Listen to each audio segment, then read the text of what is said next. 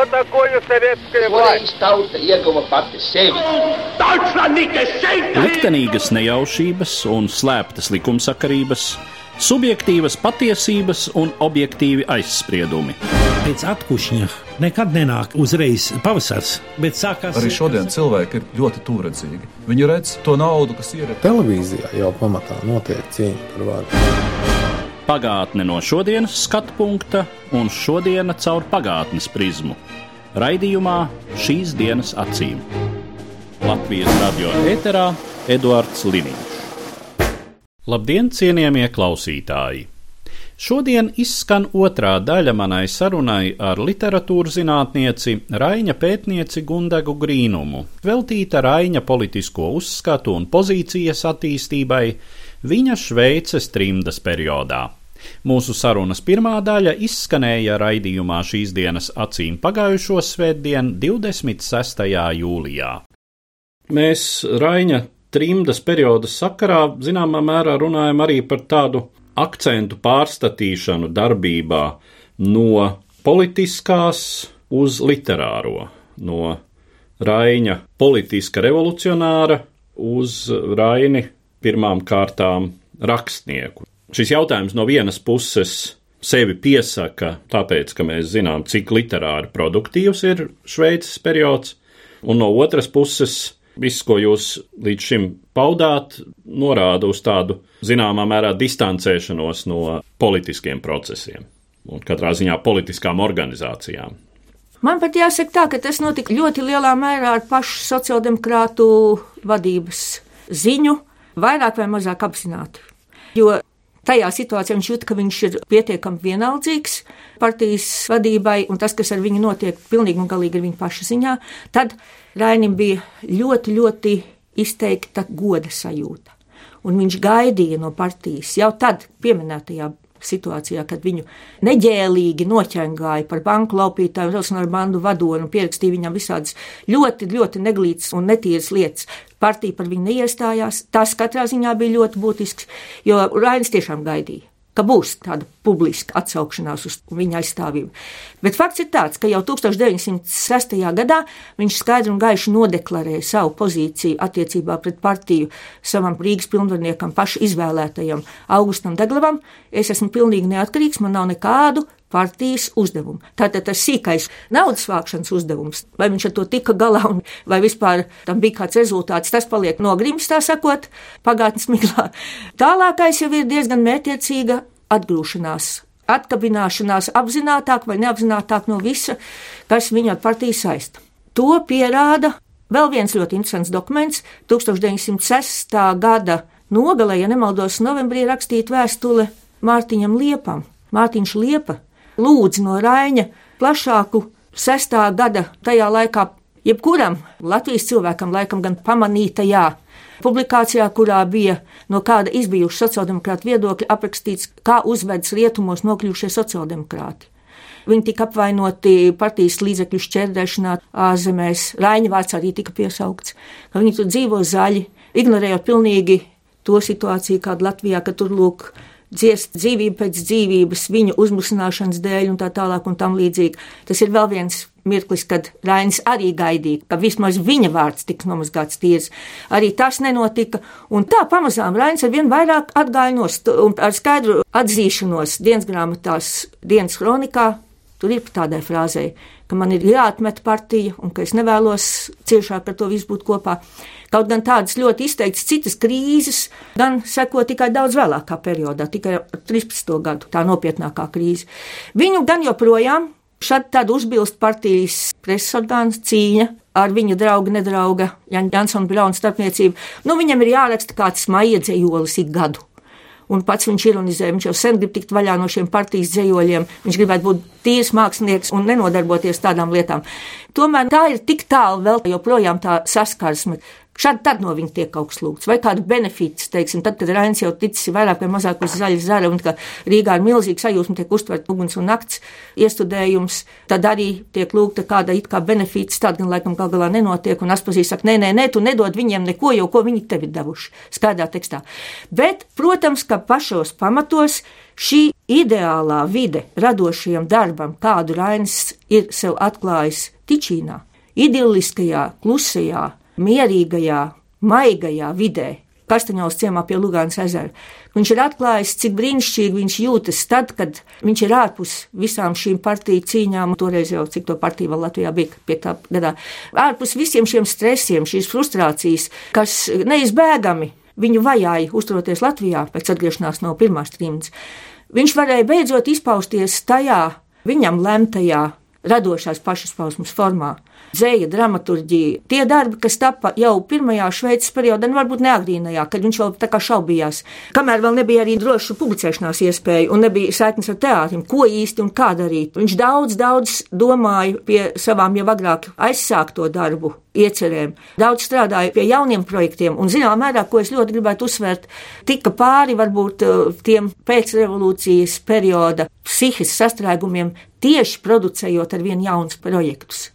Bet tie lielie darbi, tie dzējoļu krājumi, jau sākot ar tiem, kas neaizmirst, pēc tam ar kluso grāmatu, protams, galu un sākumu, viņu pašu nozīmīgāko filozofisko, tie tapa pamazām.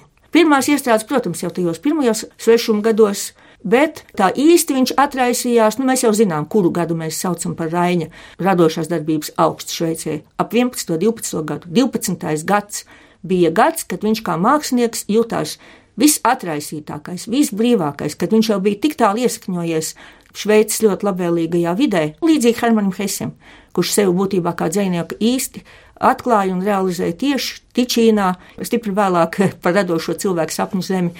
Tičīnu nosauc Zenta Mauriņa, bet katrā ziņā tā bija, manuprāt, viena no vislielākajām veiksmēm Raina dzīvē, ka viņš atrada nejauši to vidi, un viņš atrada arī iespēju tik daudz gadus uzturēties tajā vidē un strādāt tajā vidē, kura viņam deva tik ārkārtīgi daudz radošu ierosinājumu, brīnišķīgās ainavas ap viņu ikdienā, saules gaismas pārpilnību. Tie faktori arī bija ļoti svarīgi.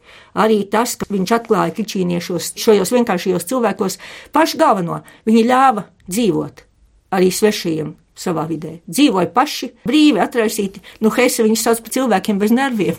Zinām, mērā, jā, interesants apzīmējums. Nu, Rainis laikam arī viņus tā uztvēra. Viņam bija ļoti viegli šajā vidē.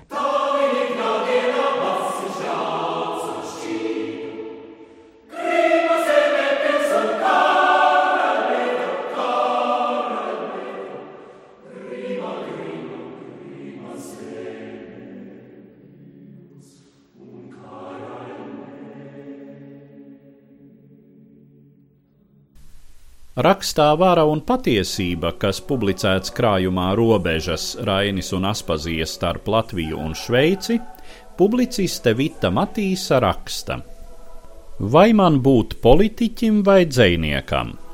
Rainim jau 1913. gadā tas bija lielais jautājums. Ar šo jautājumu viņš cīnījās gadiem ilgi, nekad pilnībā nesamierinoties ar faktu, kā revolūciju laikmetam paliekot pagātnē, viņam jāizvēlas viens amplitūds. Un līdz pat mūža beigām svārstījās starp šīm divām identitātēm. Rakstnieki no Lamartīna līdz Sartram, no Bairona līdz Brehtam, no Marlo līdz Grasam ir ļāvušies politiskās darbības vilinājumam kamēr citi, kā Flobērs vai Latvijas gadījumā Blaumanis, strikti turējušies pie doktrīnas māksla mākslai.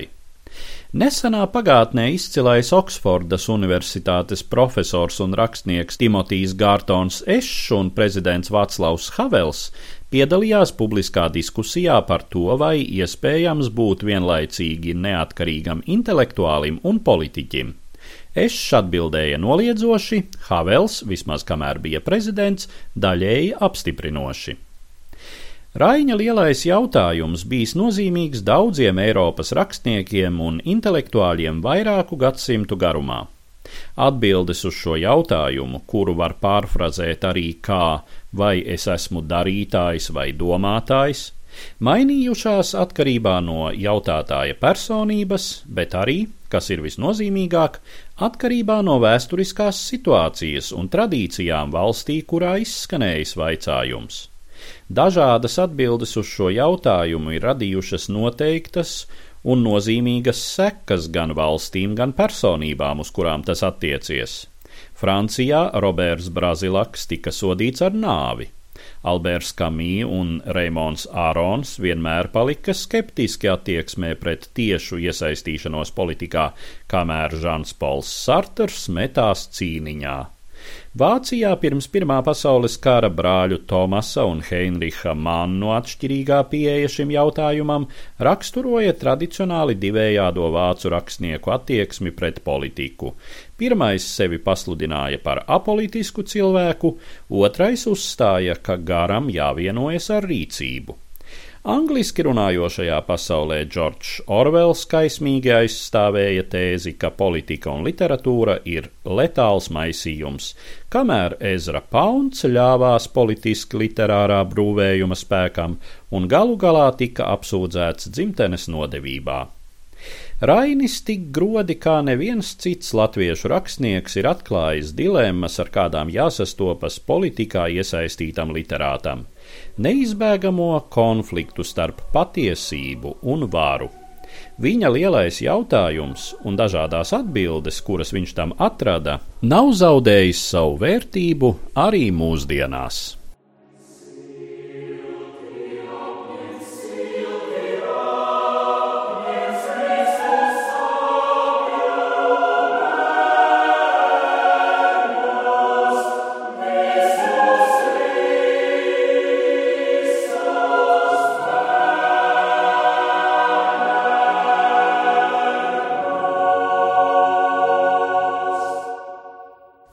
Mēs tomēr runājam par Raina politiskajiem uzskatiem, kā mēs varētu koncentrēt raksturot Raina politisko uzskatu, politiskās pozīcijas evolūciju tajā periodā no 1906. līdz 1920. gadam. Kāds Rainis aizbrauca un kāds viņš atgriezās Latvijā, ienākot jau ļoti konkrēti jaunās Latvijas politiskajā vidē. Tā dažos teikumos atbildēt ir samērā grūti, bet sāksim ar izējas pozīciju.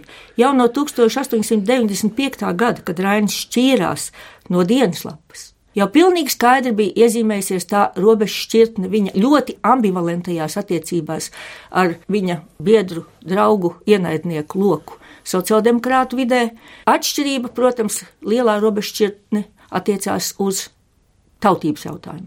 Rainim jau tajā laikā bija pilnīgi skaidrs, ka marksisms, šķiru cīņa, protams, tas dod ļoti liels impulsus sociālās atbrīvošanās cīņai, bet nekādā gadījumā nav pieņemams kā dogma. Rainis ienesa savā izpratnē par marksismu ļoti daudz citu paralēlu akcentu, un galvenais šis garīgais moments, kas viņam no sākta bija ļoti svarīgs. Viņš sabiedriskajā cīņā pirmkārt ļoti lielu akcentu lika uz individuālismu klātbūtni. Otrkārt, Viņš daudz domāja par apziņas, sajūsmas, varonības klātbūtni, par emociju klātbūtni. Piektā gada situācijā un revolucionārā cīņā vispār. Skan tā diezgan varbūt triviāli un nodrāst tas viss, bet Rainis jau ne tikai apzinājās šo faktoru klātbūtnes, viņa prāt, nepieciešamību, bet arī pats visādā veidā mēģināja tiešākā vai netiešākā veidā veicināt šo faktoru klātbūtni visā, kas notika jau sākot no 90. gadu vidus un tā tālāk. Pēc ierašanās Kastaņolā, protams, viņš ļoti pamatīgi pārvērtīja visu līdzinējo piektā gada pieredzi, ļoti rūkto pieredzi, sāpīgo pieredzi, ar ārkārtīgi lielu emocionālu atdevu un sāpju par to, kāpēc notika tā, kāpēc revolūcija piedzīvoja šo neveiksmi. Un katrā ziņā atkal un atkal meklēja atbildes pats sevi, kā savienot it kā nesavienojams lietas šajā nākotnes sabiedrības, nākotnes iekārtas izcīņā. Viņa sociālismu izpratne. Tas bija kaut kas visai saudabīgs. Un ir ļoti, ļoti nepareizi identificēt sociālismu mācību tādā tradicionālā izpratnē ar to, kā Rainis redzēja šo sociālismu kā nākotnes iekārtu un ceļu uz to. Raina ceļš tomēr bija kultūras un ētikas ceļš. No sākta gala. Jau no 90. gadu vidus - kultūras un ētikas ceļš, un nemitīgā verzē ar sociāldemokrātijas vadību, kurai, protams, šie faktori, kur Rēnim šķita ļoti svarīgi, bija vai nu pilnīgi otršķirīgas parādības, vai tika ignorēti vispār. Rainis, manuprāt, nebija tādā tiešā unisonā ne ar vienu no partijas lielajām autoritātēm, neidentificēja savus uzskatus ne ar vienu un meklēja risinājums ļoti patstāvīgi. Es tāpēc atkal gribu pieminēt vienu ļoti svarīgu dokumentu. 1906. gada jūnijā rakstītu vēstuli Henrijam Simpsonam, kur viņš pirmo reizi plašāk izsakās par šo savu nostāju tautības jautājumā. Viņš pirmkārt uzsver, ka viņš ir pilnīgi patstāvīgs, pretēji partijas pozīcijai, kura tautības jautājumu pilnīgi ignorē, pat nācija neuzskata par neko vairāk kā par vēstures rudimentu, un savukārt skaidri un gaiši nodeklarē savu principu, ka nācija viņa izpratnē ir dzīves organisms, kam ir jādod eksistences iespējas, un ka attīstīties nācija, tauta var tikai tad, ja tā ir patstāvība. Un reizē patstāvīgi tā var kļūt tikai tad, ja tā ir nodrošināts attīstības iespējas. Un skaidri un gaiši pasaka, viņš kā mākslinieks, kurš raksta latviešu valodā, taču nekādā gadījumā nevar vēlēties tautas kultūras, tautas valodas izdzišanu. Kā strādāt, kam rakstīt? Viņš taču raksta latviešu valodā, latvietim, un viņa uztverē latvietības jautājums ir un paliek tomēr primārais un galvenais jautājums arī visos turpmākajos politiskajos procesos. Pamazām, pamazām viņa izpratne par to, kā būtu jāveidojas Latvijas nākotnē, tā īsti iezīmēs nav sevišķi daudz dokumentu, kuros tas ir izlasāms, un arī šie dokumenti ir jālasa manuprāt, ļoti uzmanīgi iezinoties situācijā. Mēs pārāk daudz no Rāņa prasām, lai viņš izteiktos tādos mūsdienīgās vērtējumos un kategorijās, un neņemam vērā to reālo situāciju, to aktuālo dienas momentu, kura brīdī Rāņs ir vai nu savā dienas grāmatā ierakstījuši kādu nozīmīgu domu vai atziņu par šiem jautājumiem, vēl jau vairāk, ja tā ir nonākusi līdz publiskajai apritei. Šajā sakarā gribētu pieminēt, kur jau diezgan skaidri viņš nodeklarēja savu politisko pozīciju autonomijas lietā. Dokuments 1914. gada augustā sāks tātad Pirmais pasaules karš, un jau septembrī Rainis ar Šveices emigrantiem tiekas tādā diezgan lielā grupā. Viņš tur piemin kāds 24 emigrantu, ne nu personas, bet it kā gandrīz kaut kāds tā kā grupējums. Tik daudz jau nu faktiski tajā laikā grupējumu Šveicē nevarēja būt. Bet katrā ziņā ar Šveices emigrantu plašu pārstāvniecību kopā viņš iztirzā pozīciju, kāda viņaprāt būtu Latvijas sociāldemokrātijai jāieņem Eiropas kara momentā kad ir piedzīvota vācu sociāldemokrāta klāja nodevība, jo zināms, ka viņi ir nobalsojuši par kādu budžetu un ka vispār atbalsta vācu militāristu agresīvos plānus, Latviešu sociāldemokrātu pozīcija būtu katrā ziņā asi un atklāti paust savu nostāju, noliedzošo kritisko nostāju pret Vācu sociāldemokrātu pozīciju, un galvenais Rains tur arī deklarē, kā viņš redz Eiropas attīstību šajā kara momentā, ka Eiropai tiesiski būtu jānokārtojas pēc tautību principa, un arī Krievijai būtu jānokārtojas pēc nacionāla autonomija principa, un vēl tālāk. Viņš raksta, ka arī Krievijai pēc tam būtu jāiekļaujas lielākā tautību federācijā, katrā ziņā uzsverot šo tiesiskās nokārtošanās prasību pēc tautību principa. Pēc tam paiet laiks, un viņš jau ir nokāpis jau faktiski tajā brīdī no savu ziloņkaulu torņa, un skaidrs, ka pieslēdzies daudz, daudz aktīvāk visām politiskām nodisēm, saprotot, ko var draudēt šī kara situācija viņa tautai. Tas nav nekāds pārspīlējums. Manu tautu nāvē, tā tad Viss šis brīnišķīgais laiks, kad es varēju pilnībā nodoties savam tiešajam darbam, savam galvenajam darbam, savai garīgajai cīņai, kas arī viņa izpratnē bija cīņa par tiem pašiem, teiksim, nosacīt sociālismu ideāliem, viņa izpratnē. Tad tagad, lūk, ir tas brīdis, kad man ir jāsaka arī savs vārds, un mums visiem šveicis emigrantiem, jo mēs esam tādā izņēmuma situācijā, Mēs varam uzrunāt Eiropu, un tas noteikti ir jādara. Šāda rezolūcija tika uzrakstīta. Vai tā tika tolaik plašu atbalstu iegūs šeit sabiedrībā jāšaubās. Ir pat aizdoms, ka pat netika publicēta tur, kur emigrantu kopa gribēja, lai tā parādītos atklātībā. Nu, un tad tālāk nāk jau nākamais lielais nopietnais solis - 1915. gada oktobris, kad šveicis emigranti sāk strādāt pie kopkomitejas idejas. Un Raini vēlas redzēt Latviešu Šveices komitejas priekšgalā. Kā jau jūs pieminējāt, Rainis liela autoritāte, varbūt patriārhs, varbūt viņam nepatīk, ka viņu dēvēt par patriārhu, bet ar viņa ziņu, ar viņa morālo atbalstu, arī Aspazīt tur bija klāt, un ar ļoti, ļoti enerģiskās Austas Krausas ozoliņas iesaisti. Viņi gan bija nevairs piektā gada emigranti, bet jau jaunāks paudzes cilvēks, bez tās ķildu pagātnes, kā Rainis raksta, kura vilkās līdzi citiem Šveices emigrācijā nokļuvušajiem piektgadniekiem. Viņi jau bija pagūši savā starpā tur tik tālu jau izplēsties un izkašķēties un nogrupēties. Tas jau bija no sākta gala diezgan pārdrošs mēģinājums apvienot šos politiski pretēji orientētos cilvēkus vienā kopkomitejā. Bet nolūks bija skaidrs, motivācija bija skaidra. Tāda organizācija ir nepieciešama, jo no Šveices ir iespējams uzrunāt starptautisko sabiedrību ar galveno domu. Atkal un atkal atgādinot latviešu prasību pēc pašnoteikšanās. Otra lieta - atgādināt to, ka latviešiem ir sava patstāvīga kultūra, valoda, par ko iespējams iegūt ziņas ar vācu, ar baltvācu starpniecību vai kādu citu avotu starpniecību, kurā mazās tautas vispār tiek ļoti lielā mērā noniecināts kā tādi etniski piedēkļi lielai Krievijas impērijas tautu konglomerātā. Tā doma ir jāapstrīd katrā ziņā un jāpierāda, ka mēs esam kultūras tauta ar ļoti lielu potenciālu, kas ir tikai ļoti niecīgā līmenī līdz šim piepildījies.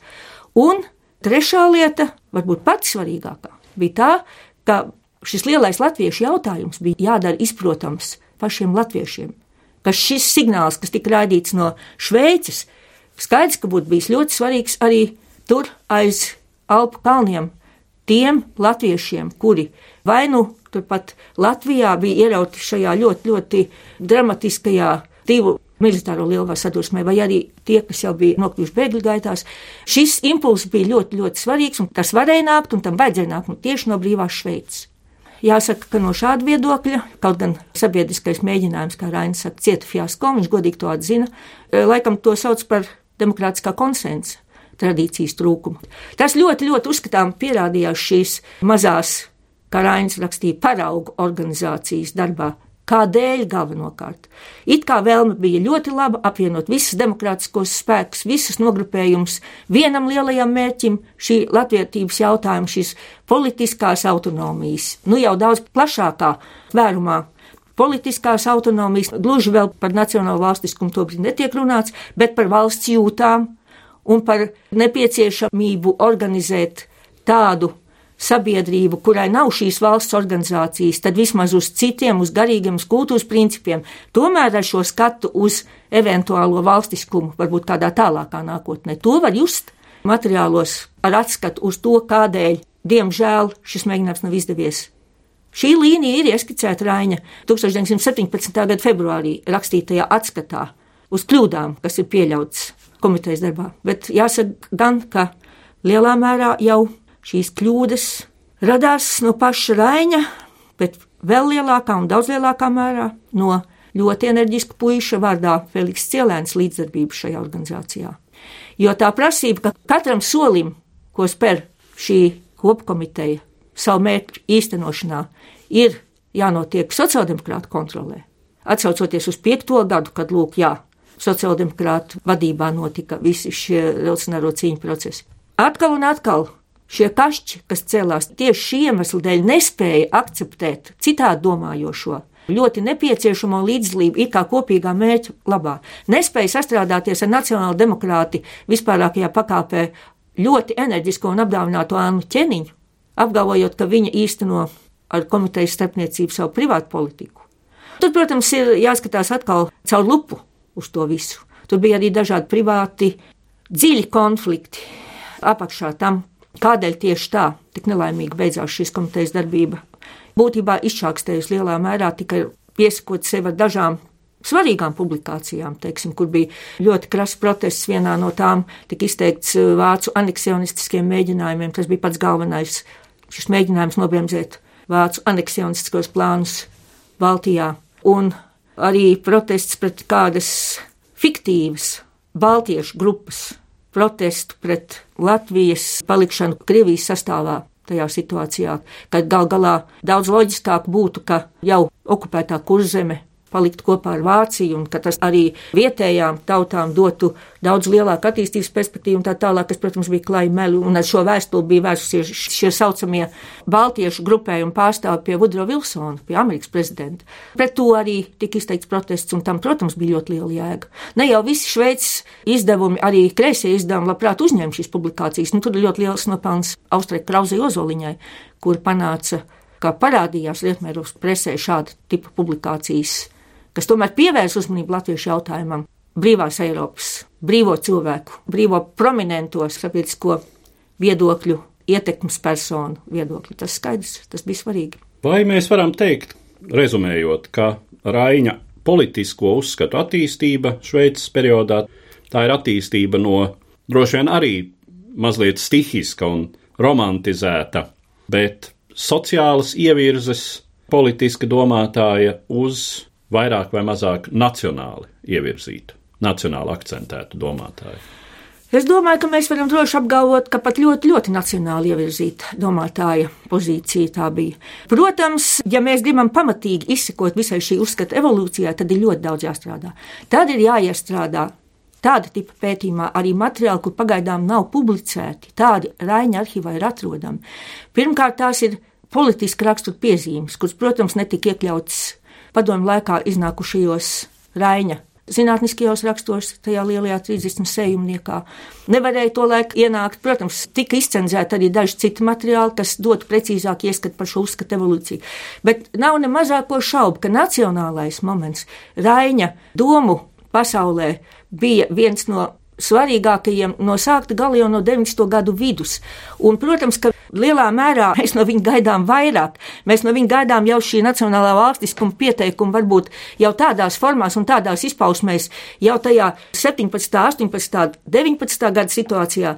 Gaidām, lai viņš skaidrs un gaiši būtu nodeklarējis, jā, mēs gribam Latvijas neatkarīgu Latvijas valsti, suverēnu Latvijas valsti, bet tajā pašā laikā tajos dokumentos, kurus viņš ir parakstījis, bet ne jau tikai viņš, arī tā pati Anna Ķeniņa, kura nodibināja alternatīvo komiteju, Šveices Latviešu komitejai arī startēja ar to pašu tēzi - brīva Latvija, brīvā Krievijā, Krievijas federācijā. Šis jautājums ir, protams, ļoti jūtīgs un bieži vien tiek pārmests Rainim, ņemot vērā vēlāko Padomju Savienības tā saucamās attīstītās sociālistiskās sabiedrības pieredzi, ka Lūk, Rainis jau tolaik ir vēlējies redzēt Latviju tāda, valstiska veidojuma sastāvā, kāda bija Padomju Savienība. Tas ir pilnīgs absurds un ir pietiekami daudz materiālu, kas ļautu precīzāk izsekot visās niansēs šai raiņu uzskatu attīstībai un katrā ziņā ļautu daudzus aplamus pieņēmumus un pat klājas falsifikācijas, it kā tagad izgaisnāt.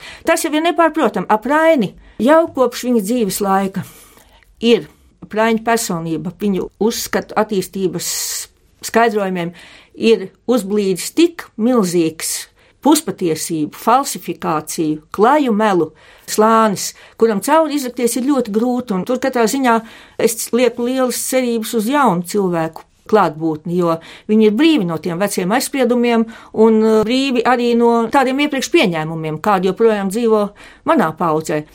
Jāņa Šiliņa darbs par Stučkas režīmu Latvijā man likās ļoti interesants, bet Es velti tajā meklēju Raņa vārdu. No vienas puses liekas, vai tad Raņa vārdam tur bija jābūt, jo it kā, ja mēs pārzinām Raņa atstāto rakstu arī dažādu piezīmju, radošo domu materiālu, nekur jau Stučkas režīms nav pieminēts, bet tajā pašā laikā, ko tad raksta pats Stučka, ka pirmais brīdis, kad viņš spēr atkal soli uz Latvijas zemes, ir doma par aini, ka viņi katrā ziņā tie jaunās padomju Latvijas veidotāji ar Stručku priekšgalā vēlētos katrā ziņā redzēt kopā ar jauno brīvo Latviju, viņu izpratnē Raini un vēl jau vairāk redzēt viņu vadošā pozīcijā. Kādēļ tad Raina tur nav? Galu galā aicinājums Rainim atgriezties, būt kopā ar šo režīmu, taču nepārprotam bija izskanējis, un pats interesantākais, ka Rainis atbildēja ar kapu klusumu. Šis ir lūk, viens no noklusējuma momentiem, ja ir runa par politiskiem procesiem Latvijā. Rainis vienkārši klusēja, neatbildēja, neatsaucās, un nevienā brīdī viņam nebija tāda doma, ka viņš varētu būt klāt kā šī režīma līdzdalībnieks vai atbalstītājs. Tas tomēr ļoti zīmīgi. Un pēc tam, kad Rainim pārmet, ka Stručkas režīms ir viņam un Aspazijai piešķīris mūža pensiju, pašās pēdējās režīma pastāvēšanas dienās. Tāds fakts notika. Rainis vispār par to neuzzināja nekā, un tad, kad viņam 26. gadā Latvijas pārmeta šo faktu, viņš bija stipri izbrīnīts un uzjautrināts. Jā, Tas arī bija mēģinājums piejaucēt Raini. Pats galvenais Rainis nebija piejaucējums, viņu neizdevās piejaucēt nevienam politiskajam režīmam, un arī sociāldemokrāta partija, lai arī kā centās ar viņu manipulēt un izvilkt viņu kā svētbildi vai kā kādu reklāmas plakātu dažādās politisko krīžu situācijās vai dažādu politisku pavērsienu situācijās. Rainis vienkārši atkal un atkal pierādīja, ka ar viņu nav iespējams manipulēt. Ar tādu secinājumu mēs arī noslēdzam mūsu šodienas sarunu, kas bija veltīta Raina trimdas periodam, viņa politisko uzskatu attīstībai šai periodā, un es saku paldies manai sarunbiedrei, literatūra vēsturniecei, Raina pētniecei Gundegai Grīnumai. Par pagātni sarunājas Eduards Liniņš.